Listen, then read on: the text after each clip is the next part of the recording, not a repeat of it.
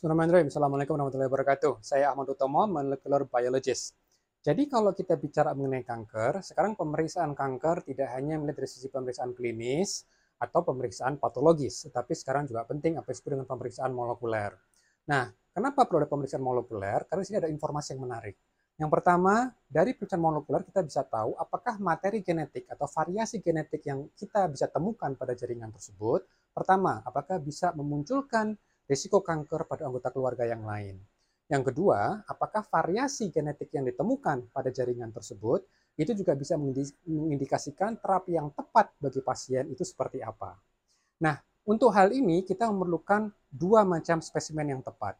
Kalau kita tujuannya untuk memeriksa apakah pasien itu akan uh, mewariskan kankernya ke anggota keluarga yang lain, maka jaringan yang diperlukan adalah jaringan darah.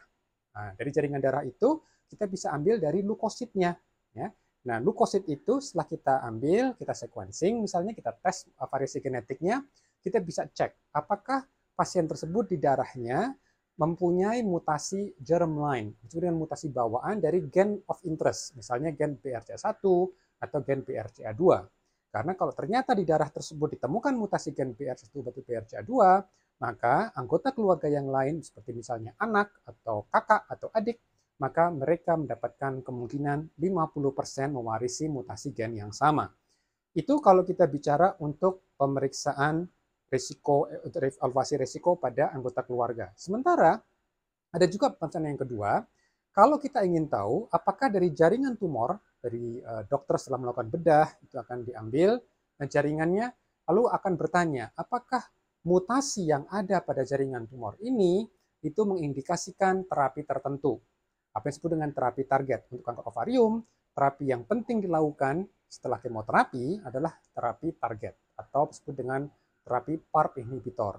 Nah, untuk pemeriksaan PARP inhibitor, kalau memang diindikasikan untuk menguji apakah pasien cocok diberikan PARP inhibitor, maka sumber spesimennya bukan sumber dari darah tepi, tetapi dari jaringan tumor, apa yang disebut dengan formalin fixed paraffin embedded block, FFPE. Nah, Jaringan FFPE ini menjadi krusial dan kita harus tahu kira-kira syarat apa yang diperlukan agar pemeriksaan itu mencapai hal yang baik atau bisa mendapatkan hasil yang bisa disimpulkan. Yang pertama, sejak dari operasi. Setelah pasien dioperasi, jaringan akan diangkat. Nah, ketika jaringan itu diangkat, secepat mungkin segera direndam ke dalam cairan formalin yang buffer, disebut dengan 10% buffered formalin. Cairan cairan ini harus betul-betul di buffer supaya pH-nya tepat. Karena kalau pH-nya tidak tepat itu juga jadi masalah. Nah, waktu pengambilan sejak sampai direndamnya itu juga harus cepat. Jangan lebih dari 30 menit. Jadi setelah diambil dari uh, dari operasi, segera secepat mungkin direndam ke dalam cairan formalin fix uh, buffer ya, ya cairan formalin, buffer yang formalin. Nah, setelah direndam dalam cairan tersebut, uh, segera dikirim ke instalasi patologi anatomi untuk nanti akan bisa dipotong-potong untuk dianalisa dan lama perendamannya, perendamannya itu jangan lebih dari 72 jam. Jadi segera masukkan waktu singkat mungkin, secepat mungkin, jangan lebih dari 30 menit, lalu direndam uh, sampai sekitar 72 jam. Ya, kenapa? Kalau terlalu eh, singkat merendamnya atau terlalu lama merendamnya, dampaknya akan tidak baik pada tumor. Ketika uh, tumor tidak optimal tingkat kematangannya, maka itu akan menjadi masalah. Kenapa? Karena formalin itu sendiri dia akan menfiksasi dan dia akan menimbulkan fragmentasi pada DNA. Kenapa ini menjadi terjadi? Karena di dalam jaringan itu banyak sekali molekul-molekul biologis. Nah, molekul-molekul biologis ini tentu akan mudah sangat terdegradasi. Nah, supaya dia terdegradasi, itu kita fiksasi namanya, kita fikskan ya supaya tidak meleleh tanda kutip. Oke? Okay?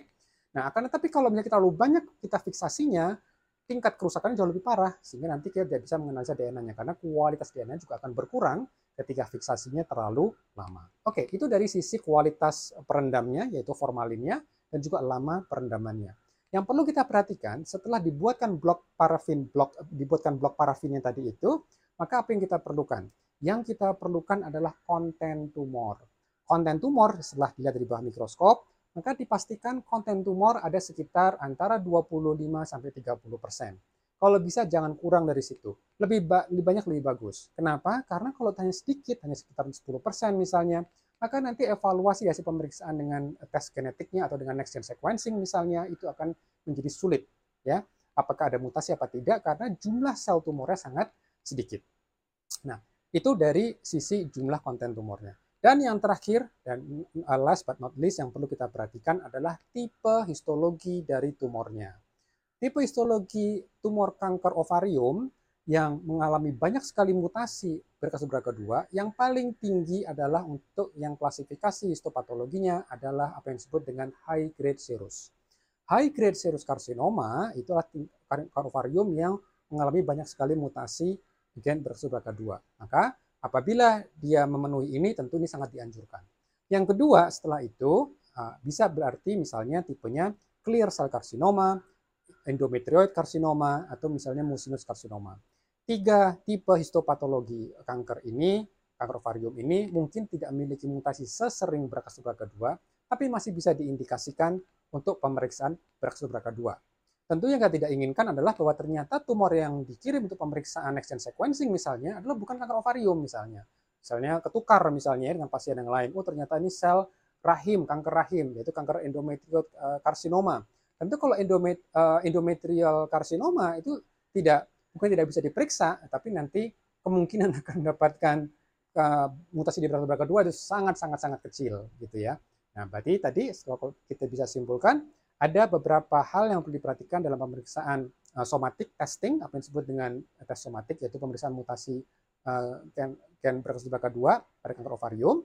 Kita bisa gunakan dari blok parafin, FFPE, dan itu perlu tadi kualitas fiksasinya harus bagus, formalinnya harus buffer, lama lama perendamannya tidak lebih dari 72 jam. Yang kedua, harus ada konten tumornya. Ya, konten tumornya harus banyak. Dan yang terakhir, dia juga memenuhi tipe histologi yang layak untuk diperiksa uh, secara molekuler. Demikian dari saya, mudah-mudahan membantu. Insya Allah kita ketemu lagi. Assalamualaikum warahmatullahi wabarakatuh.